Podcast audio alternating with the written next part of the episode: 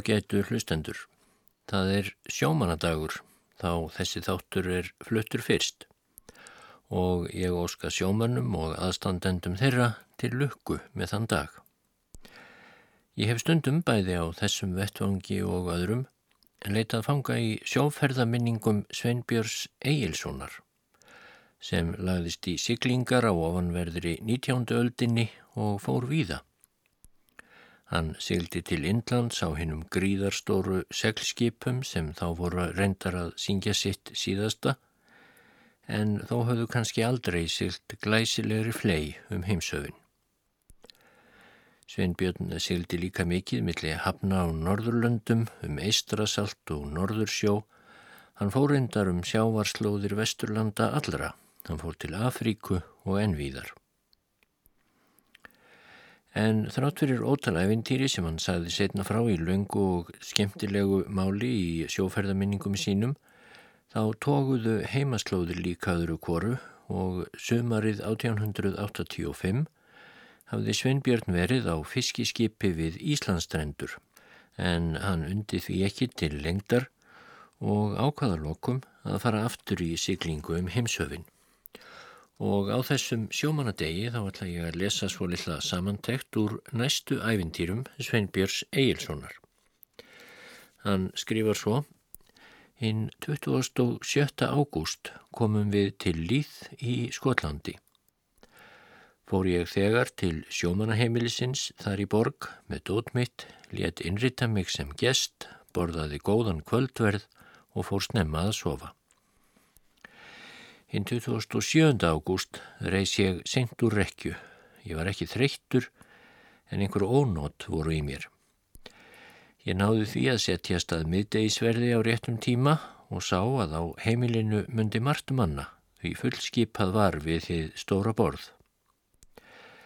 Ekki þekkti ég einn einasta mann en hópurinn var hinn myndarlegasti en það eru sjómanheimilinn í sumum sjóborgum á Englandi hinn visslegustu leifa ekkert slark og það runnið gegn því að sjómenn fari ítla með peninga sína sem er þver öfugt við það sem hinn allræmdu gistihús gjöra. Í húsum þessum hafa yfirmenn skipa sem þar kunna að dvelja sér herbergi og matast í sérstökum borðsal og í sumum þeirra er leikfimisalur, svo er einnig í sjómanaheimilinu í líð.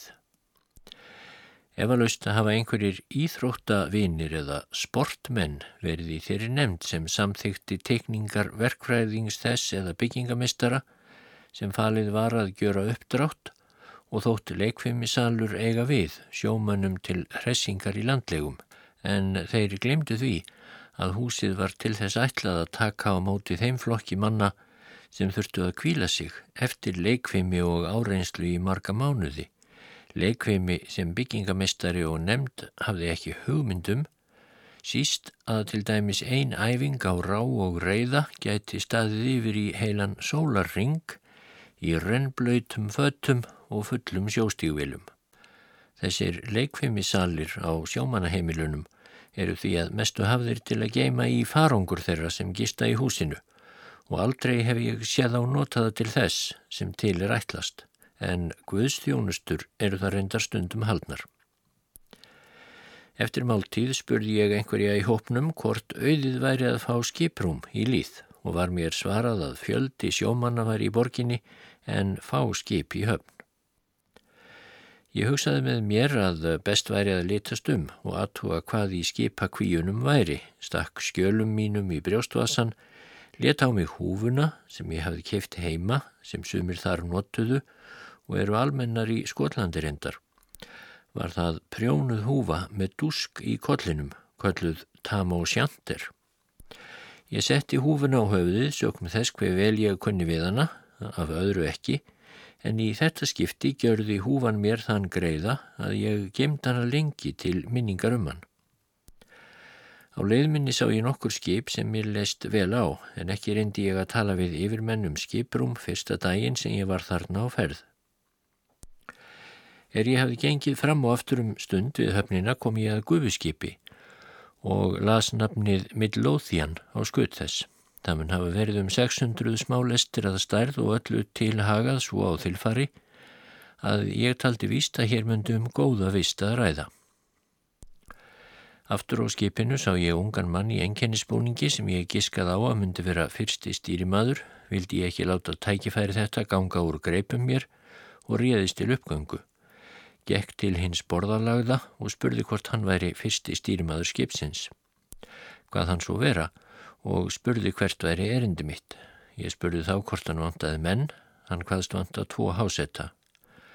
Spurði hann þá hvort ég gæti fengið skiprum og dróðum leið upp skjöl mín og til frekari áherslu stýrimanns skýrtinni mitt. Hann tók við skjölunum, bladaði í þeim, horði síðan á mig og mælti hver hefur látið þig fá þessi plögg. Ég hvaðst eiga þau og hinn tvö stóru skjöl væru stýrimanns skýrtinni mitt, annað fyrir seglskip og hitt fyrir gufuskip. Þá brosti stýrimaður og sagði, vinnur minn, far þú upp til eigandanna og spurði hvort þú getur ekki orðið skipstjóri á millóþíjan. Hér kemur þú með prjónahúfu á höfðinu, drif kvítar hendur upp, strammaður eins og greifi og vilt komast í hásettaklefan. Sértu stýrimaður, þá hlýtur þú að sjá að þú siklir skakka stefnu og vertu sæl. Stýrimaður mun hafa haldið að ég væri ekki sjómaður en hefði fengið skjöl mín frá öðrum eða ég vel stólið þeim. Höfuðfatt mitt var öðruvísi en sjómenn voru vanir að bera og auk þess var þetta ekki í fyrsta sinn sem ég var rengdur þegar ég gaf mig fram sem sjómann og þótti vera ofvel klættur. Ég gjörði ekki fleiri tilraunir til að fá skiprúm, bölvaði prjónahúfunni í sand og ösku því henni kendi ég um að ég fekk ekki skiprúm á millóþíjan, því í sveip virtist mér hásetta staða á því skipi hinn gyrnilegasta. Þegar heimkom lagðist ég fyrir, flegði ofinni mínum húfunni upp á hillu og fór að hugsa. Allt í einu datt mér í hug að ég vissi ekki nýjustu tíðindi í landi því sem ég var stattur í og ég fór því niður í lestrarstofuna og tók að lesa. Eitt með öðru sem ég las var um skemmtistadi hér og þar í Skotlandi og meðal annars las ég um vötnin í hálöndunum skosku. Þar sá ég nafnið Loch Lomond og lýsingu á náttúrufegurð fram með því stöðuvatni. Ég hafði gjört mér ímsar hugmyndir um þennan stað, því svo stóð á að fyrir þrem fjórum árum hafði ég lært lag sem hétt eða var sungið undir kvæðinu Bonnie Bonnie Banks of Loch Lomond.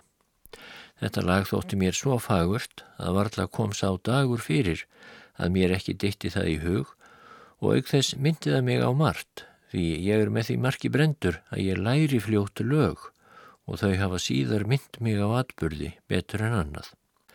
Meðan ég las dætt mér lægið í hug og einnig hvort ógjerningur myndi fyrir mig að sjá vatnið og dýrð þess.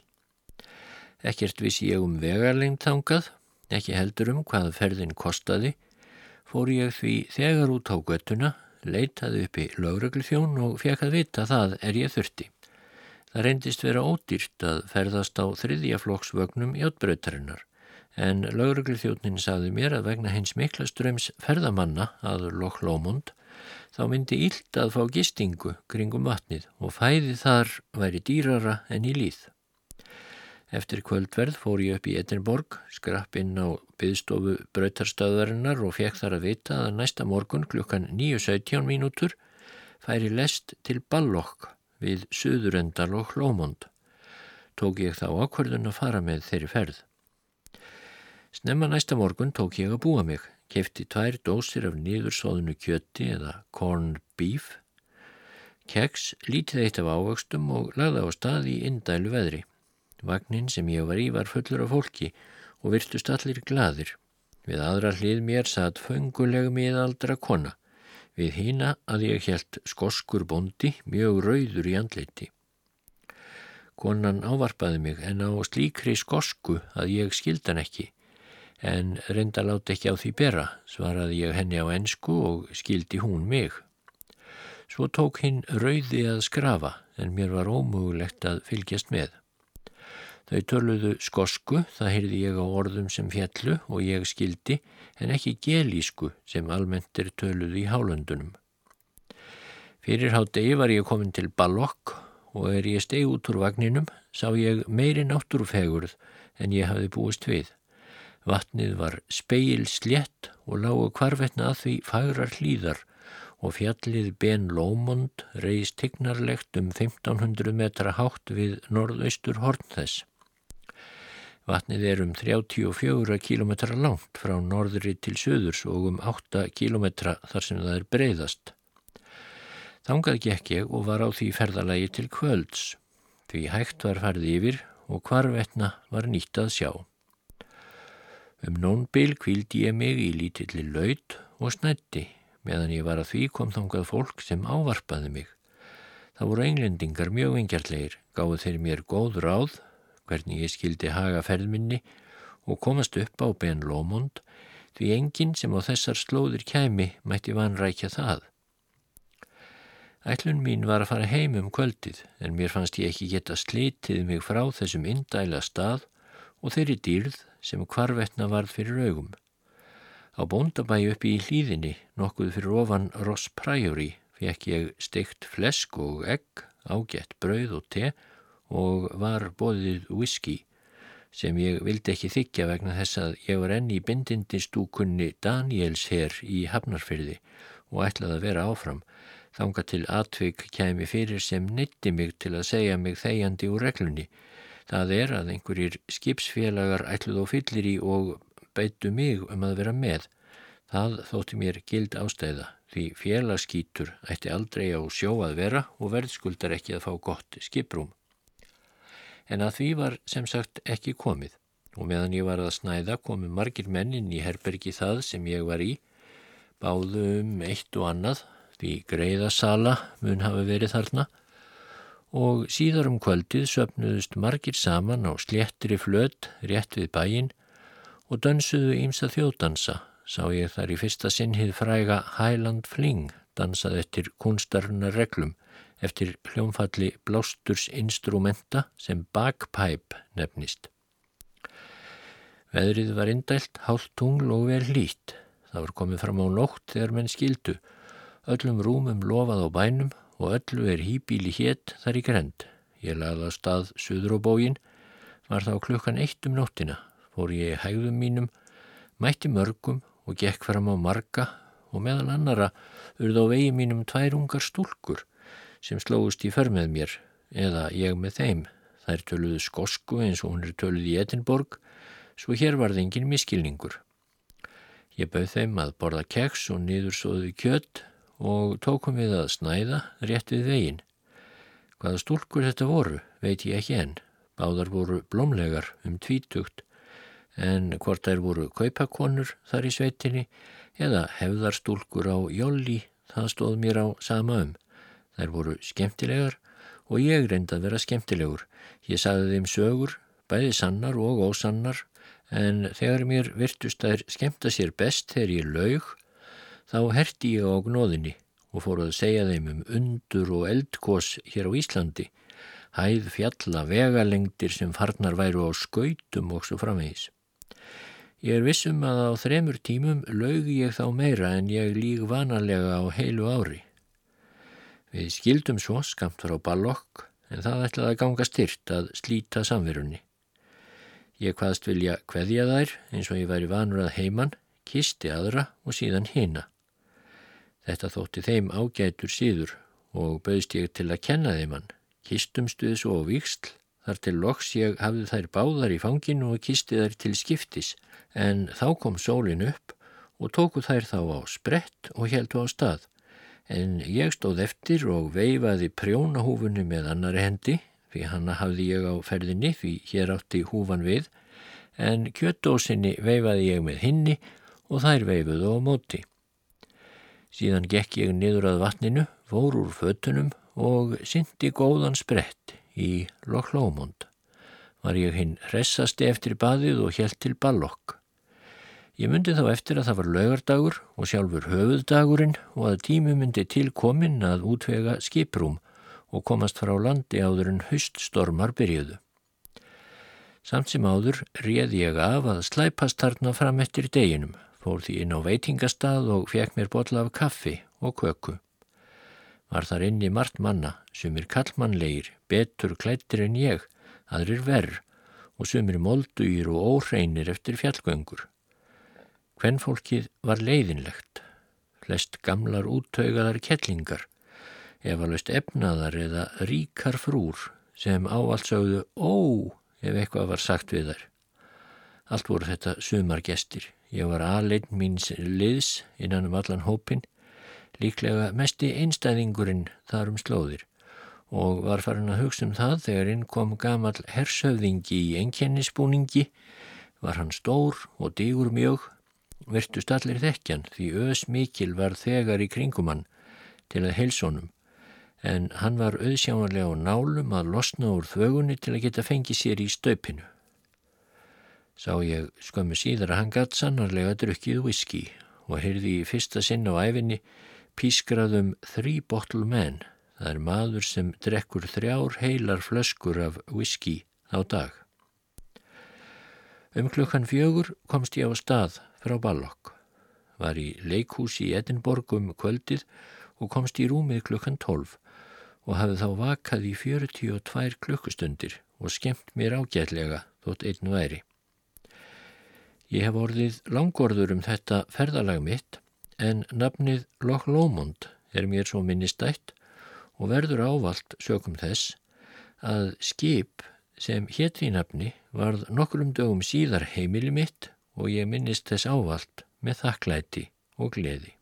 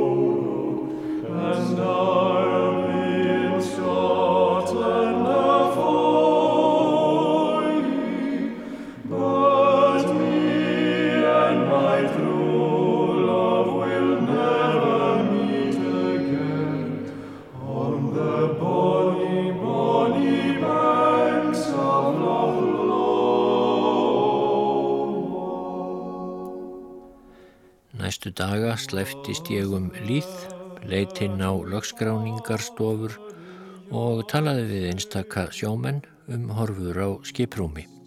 Laugardaginn 5. september þá gæti ég fengið skiprúm á 1500 smálesta seglskipi, Sierra Estrella. Var það mjög fagurt skip og ganglegt. Er ég komund á skipið voru einhverjir hásettar fyrir og að þar voru seglskipa langferðamenn heyrði ég áður en ég kom upp á það. Því þaðan hljómaði söngur, solo og kórus af lögunum Blow the Man Down, Randzo og Rio Grande. Forsöngvarinn var ágættur og kunni það sem hann fór með. Ég hitti fyrsta stýrimann, miðaldra mann, vantaði hann fimm menn eftir fjóra til fimm daga og var ekkert því til fyrirstöðu að ég fengi skiprúm ef ég gætti þess að vera viðstattur þegar lögskráðirði en votturð mín vildi hann fá í sínar hendur klukkan tíu fyrir hátegi næsta mánudag. Fyrir vildi hann ekki taka þau. Hann leita á stýrimannaskýrteinu mín og spurði hvaða skjöl þetta væri en þau voru á dönsku. Sagði ég honum það. Þá meld hann, hugsaðu þig vel um áður en þú ræður af að fara með okkur því eftir því sem ég best veit þá förum við fyrst til San Francisco í bandaríkjunum, líklega þaðan til Ástralíu og Guð veit hvert þaðan og þar sem þú hefur stýrimannapróf þá geti ferðin orðið þér of laung. Ég þakka honum fyrir og spurði hvort ég mætti koma næsta mánudag og tala við hann, hvaðan það velkomið. Mér var illa við að missa af þessu skipi sem ég leist svo vel á en máski tvekja ára ferð þótti mér í lengra lægi og var því í hálgerðum andræðum. Ég var á leiðinni heim þegar ég kom auga á gufuskip með óvanalega háum möstrum fallegum gulum reykháf og þrem rám á frammastri. Þar sem ég er þannig gerður að ég verð enga síður skotinn í fallegum skipum en í fallegum stúlkum, þá vildi ég skoða skip þetta nánar og ótrúlegt nokk þá las ég Loch Lomond á bóið þess og þegar ég fór aftur með því sá ég á skutt þess að það var frá Dundee í Skotlandi. Skipið var tignarlegt og bar mjög af hinnum óhreinu kólaflutningaskipum sem í kringum það voru og bar með sér að það var langverðaskip. Ilmurinn sem hvarvetna fannst á því bæði á þilfari og niðri sagði til að oft myndi það hafa flutt krydd meðal annara vörutegunda austan úr heimi. Ekki datt mér í huga nokkur von væri til þess að ég geti fengið skiprúm á þessu skipi en vildi þó reyna, ekkert kostaði það. Ég fann brátt fyrsta stýrimann sem mér þótti ídlilegur. Hann var millir færtugs og femtugs, svart skeggjaður og ákaflega þurri í framkomu sem eigi er sjaldgeft hjá skotum. Með okkur samtist svo að ég fengi skiprúm og skildi ég mæta og lögskráningar skrifstofunni klukkan 11 fyrir hátegi, mánudaginn 7. september. Ferðinni var heitið til Arabíu, Ceylon og Kalkúta á Indlandi. Sama kvöldið þann 5. september fór ég út á skipið og heitti Hásetta. Hafðu sömur verið einaferð til Asíu með skipinu en nokkra menn hafði stýrimaður skráði Döndi fyrir fá einum dögum en í líð hafði skipið afhendum 500 smálestir af hrísgrjónum sem verið var að afferma. Flestir hásettar voru skotar, ungir og myndarleir menn. Meðan ég dvaldi hjá þeim sögðu þeir mér nokkra drætti úr sögu skipsins sem aðeins var fára ára gamalt. Var það í fyrstu ætlað til nautgripaflutnings milli Englands og Kanada og gengur þær ferðir vel Þanga til voru eitt þegar skipið hrefti storma á Allandshafi á leið frá Kanada til Liverpool. Hafði þá farið afar ítla um dýrin og mörg þeirra drepist eftir miklar kvalir sem beinbrotinn er í höfnkom og flest þeirra í mjög slæmu standi. Dýraverundunarfélagið fretti þetta og let til sín taka. Skipið var þá skoðað og kom þá í ljós að svo nefndir slingru kilir voru eigi eins og vera bara á skipi sem flutti gripi og bannað var að nota það til þeirra ferða framvegis. Frá Liverpool fór skipið til Quebec eftir timburfarmi en er það lað á stað þá skeiði það sem hér segir. Það tók loðs í Liverpool sem átt að leiðbina því til Holyhead eins og síður var. Þegar þangað kom þá var vaninn að bátur kemi frá landi til að sækja lóðsinn án þess að skipið varpaði akkeri. Í þetta sinn myndi skipstjórin skindilega að hann þurfti að senda símskeiti til eigenda skipsins og fá svar og þegar til Holyhead kom var bakborðs akkeri varpað, var það þungt mjög og reif með sér festina af miklu afli þegar það fjell. Keðjukassar voru úr járni og náðu frá botni að þilfari og svo mikið rúm er í þeim að 180 faðma laung keðja gjörð ekki annað en fylla tvo þriðju hluta þeirra. En þegar akkerið fjall þá fylgdu með kjötfliksur, blóð og mulin bein sem fóru með keðjunni nýður og vissi enginn hvaðan þetta gætt komið. Var þegar farið ofan í keðjukassan til að gangur skuggum orsök. Þar fundust fjögur sundur tætt lík af unglingum. Voru þetta piltar sem ætluði að komast kostnadarlöst til Kanada, laumufarþegar. Þeir höfðu læðist niður í skipið áður en það fór og falið sig þarna en ekki vitað hver hættulegur felustadur sá var sem þeir völdu sér. Eftir Quebec-ferðina var skipið duppað upp, ímsu breytt á því og það síðan haft til Asíuferða. Á amælistegi Jóns bróður míns, 7. september, var ég lokskráður hásetti á Loch Lomond. Var mánadarkaup mitt, 3 pund og 15 skildingar eða 60 og 7,5 króna eftir okkar mynd þá. Stýrimanns kaup á dönskum skonnortum var þá um 65 krónur eða ívið lægra en hásettarlaunin um borði í Loch Lomond. Sama dag fór ég út á skip með född mín. Átti ég að mæta klukkan 6 næsta morgun og vildi því sofa um borð til að vera vissum að geta byrjað vinnu á réttum tíma. Þegar ég vaknaði í hásettaklefanum á Loch Lomond morgunin 8. september fór ég þegar að hugsa um vikslu Ölfusárbrúarinnar en því varði ég að hætta skjótt. Vinna byrjaði klukkan 6 sigla átti þennan dag og í ymsu þurfti að snúast. Yfir menn þekkti ég þá engan nema fyrsta stýrimannin Andersson en hann var ósýnlegur svo að snemma dags. En gamall bátsmaður sem hétt Maklín kom okkur í skilningum að framþilfara á Loch Lomond væri engin stjórnpallur þar sem menn stæðu með hendur í vösum og sagðist segja okkur það í mesta bróðirni að hefði hann haft okkur á skipinu Clan Buchanan þar sem hann var bátsmaður fyrir halvu öðru ári, þá skildum við hafa séð hreyfingar. Nú er ég orðin og feitur, saðan, og því hættur siglingum, en þó skal ég sín ykkur að ég get mjagað ykkur áfram. Þetta var byrjun að ræða Karlsins, sem afalust hefur getað hreift sig og snúið öðrum áður fyrr, en var, eins og hann sagði sjálfur, orðin feitur mjög og styrður en umsjónarmadur vinnu á skipinu var hann fram úr skarandi. Síðar varð Maklín besti kunningi minn og kendi mér margt. Mitt fyrsta verk eftir að búið var að þó þilfarið var að festa böndum á bramrána og þegar ég kom niður úr ránni þá saði kallin að ég kæmist á upp sköft þessi en allt sem hétt reyði á Loch Lomond nefndi hann með mestu fyrirlitningu og voru smámunir í hans augum móts við það sem hann nefndi alvöru reyða og var vanur að eiga við á stóru seglskipunum. Annar stýrimaður á Loch Lomond hétt Alexander Evans en sá þriðji McInnes. Var Evans langur og slánalegur, millir þrítugs og færtugs, fekk sér oft í stöpinu en fór vel með það. McInnes þriðji stýrimaður var snarlegur ungur maður hafði hann lært sjó á stórum seglskipum og hafði réttindi fyrstu stýrimanna. Klukkan fjögur eftir hátegi þennan dag lögðum við út frá Líð og var ferðinni heiti til Swansea í Wales. Áttum við að taka skipið kólum þar og halda síðan til Aden í Arabíu, taka alla játnhluti í gríðarstóra brú sem aðfenda átti í Madras á Einlandi, koma svo við í Ceylon á tveimur stöðum, Colombo og Pointe Gall, taka þar te og að lokum fara til Kalkúta og fylla skipið þar af krytti, viði og djút eða hampi.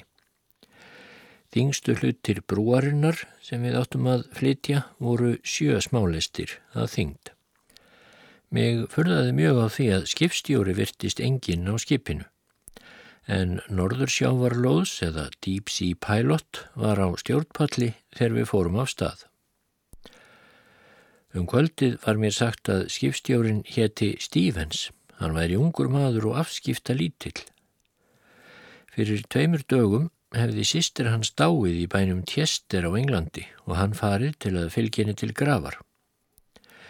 Við fórum austur með Englandi um sundið millir Fraklands og Englands og fengum þar versta veður.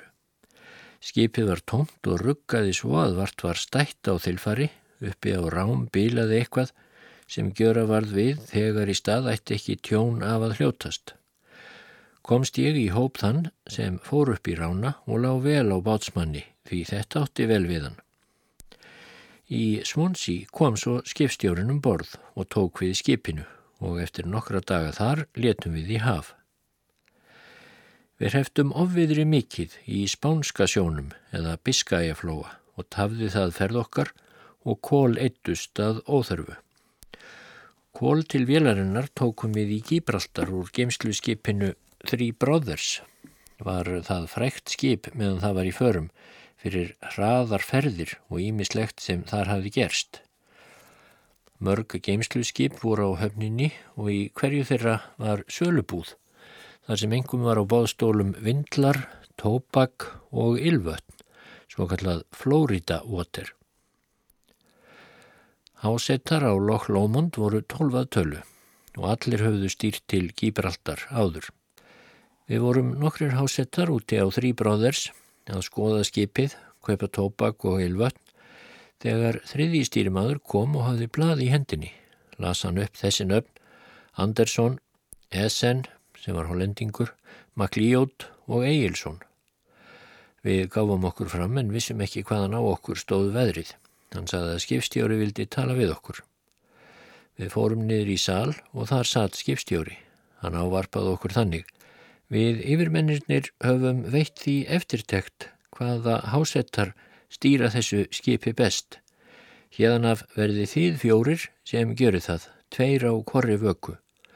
Nú hafið þið allt miðjarðarhafið til að æfi ykkur á því ég vil hafa fyrstaflokks stjórnara þegar ég kem til Port Said og vil geta treyst á ykkur í súeskurðinum. Maklíot og Egilson verða á stjórnborðsvakt eða vökunni, Andersson og Essen á bakborðsvaktinni. Síðan bauðan okkur að koma með sér og fórum við upp á stjórnpall á samt stýrimönnum. Skipstjóri skýrði þeim frá þessari breytingu að hann hefði valið okkur sem fasta stjórnara eða svo kallaða quartermasters og skipaði svo fyrir að við fjórir hefðum stort herbergi sem var niður í skipinu á öðru þilfari. Hásettaklefar voru tveir undir bakkanum og millir þeirra baðklefi.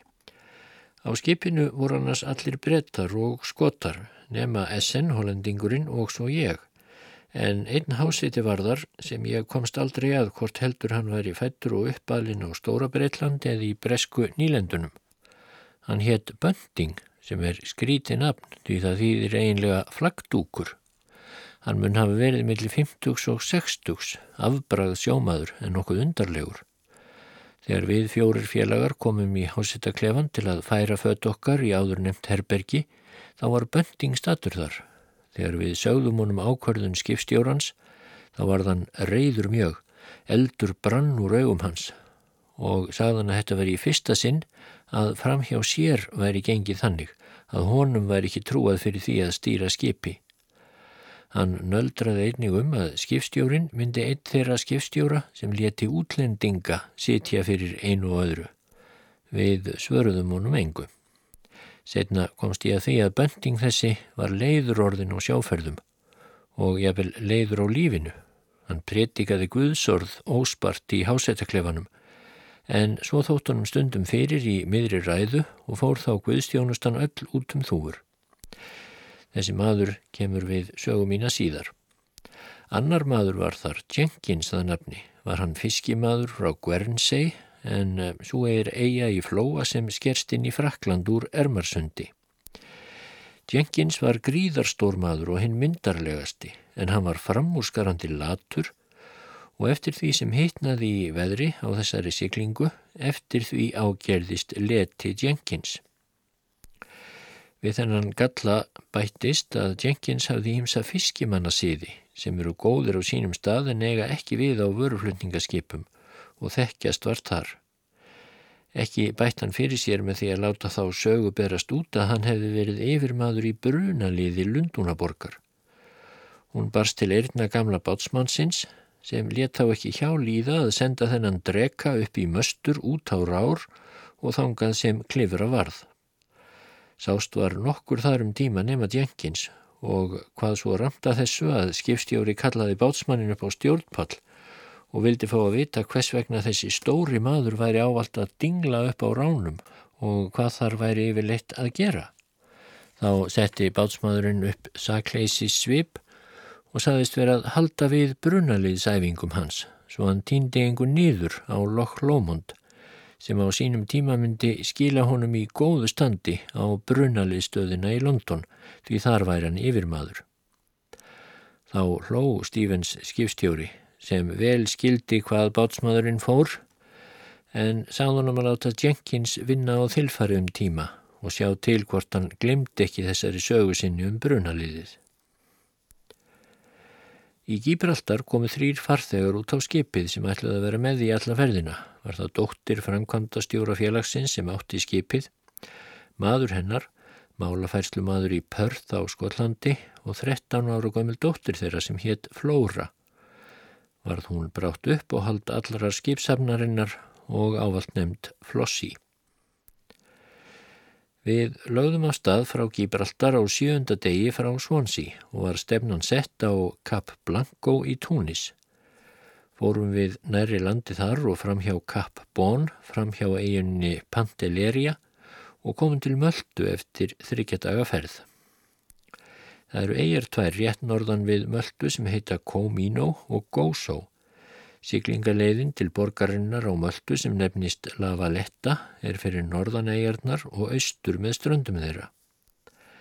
Í La Valletta bættum við kólum við, vatnvartekið, matvæli og ávegstir. Það var fjörugt á þilfæri meðan á því stóð. Kringum skipið voru bátar í tugatali með alls konar varning en mest bar þó á ýmsum gripum úr alabastri, ávöxtum og fugglum í búrum. Við hásettarnir höfðum lítið að kaupa fyrir en sumir höfðu áður verið á möldu og vissu hvað við átti. Ég var þess brátt var að félagar mínir voru farnir að versla og spurði hvort þeir hefðu þá peninga. Þeir sögðu mér þá að hér væri peninga ekki þörf. Gamlar skirtur, peysur og yfirleitt gömul född væru gældeirir sem dögði á möldu. Ég átti gamla færiska peysu sem ég vildi helst losna við og brá mér þegar eftir henni. Eftir mikið stapp fekk möldubúi peysuna en ég fekk kvítan fuggl með gulum kampi, kakadú var sá fuggl kallaður. Einning fekk ég mikið af ávöxtum. Kaupin þóttu mér góð, þótt ég fargaði fugglinum hinn bráðasta því mér leittist hann.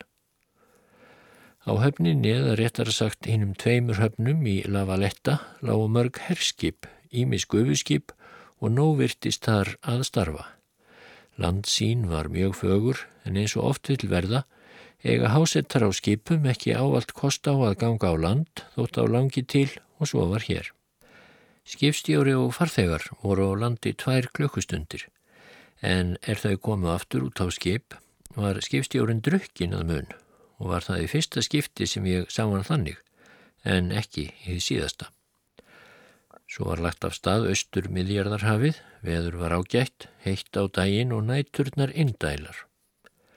Svo stóð á þegar við fórum frá Lavaletta að ég átt að stýra skipinu frá klukkan hálf þrjú til fjögur. Var þá skipstjóri og annar stýrimaður á stjórnpalli og hinn fyrir nefndi talsvert drukkinn en hægur þó eins og vant var. Klukkan um þrjú bílaði eitthvað í vélinni. Vélstjóri kom upp og let skipstjóra vita að klukkutími myndi líða þar til viðgerð væri lokið. Let Stífen skipstjóri það gott heita og skipar þegar stýrimanni að láta leysa öll segl og koma þeim fyrir. Þaðan sem ég stýrði var ágætt útsjón fram eftir skipinu og frammastrið með ránum blasti við mér.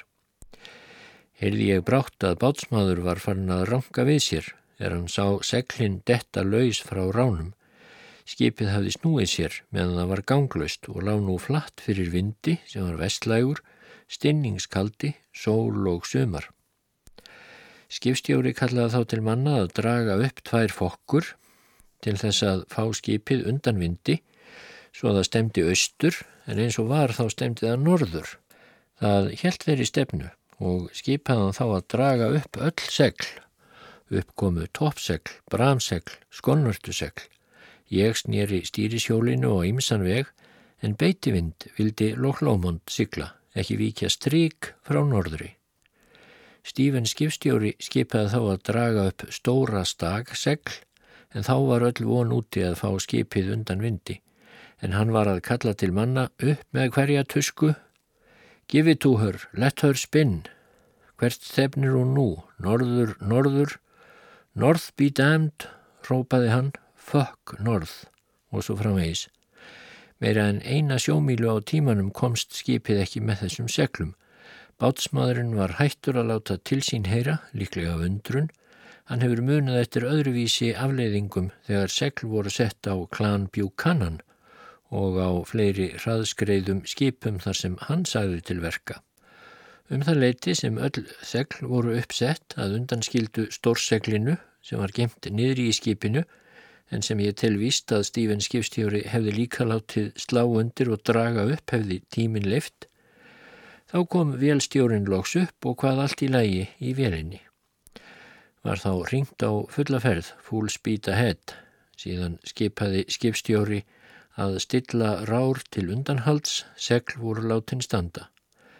Maklíót tók svo við stjórninni klukkan fjögur eftir háttegi og skipið þrammaði áfram, 11 mílur á klukkustund í áttina til Port Said. Ég vil minnast á samtal sem skipstjóri byrjaði við mig á stjórnpalli meðan seglin voru dreyin upp. Því það útskýrði fyrir mér hvers vegna ég var fyrir því að hann valdi mig útlending til að stýra skipinu sem að öllu jöfnu er létt og hreinlegt verk. Hann mælti við mig Ástæða til að ég valdi þig að stýra er svo að ég hef litið yfir skjöl og vottorð skipsafnarinnar og var þá var við stýrimannaskýrteini þín. Við brettar virðum þau skýrteini mikils og þú átt sjálfur að virða þín skýrteini öðruvísi en að þjóna sem hásetti á flökkuskipum.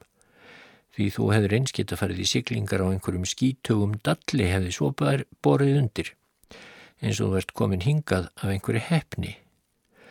Þú veist hvar bátur skipstjóran sér hér á skipinu. Þegar við komum til Aten þá líkjum við langt á landi vegna hita er sá staður helvíti á jörð.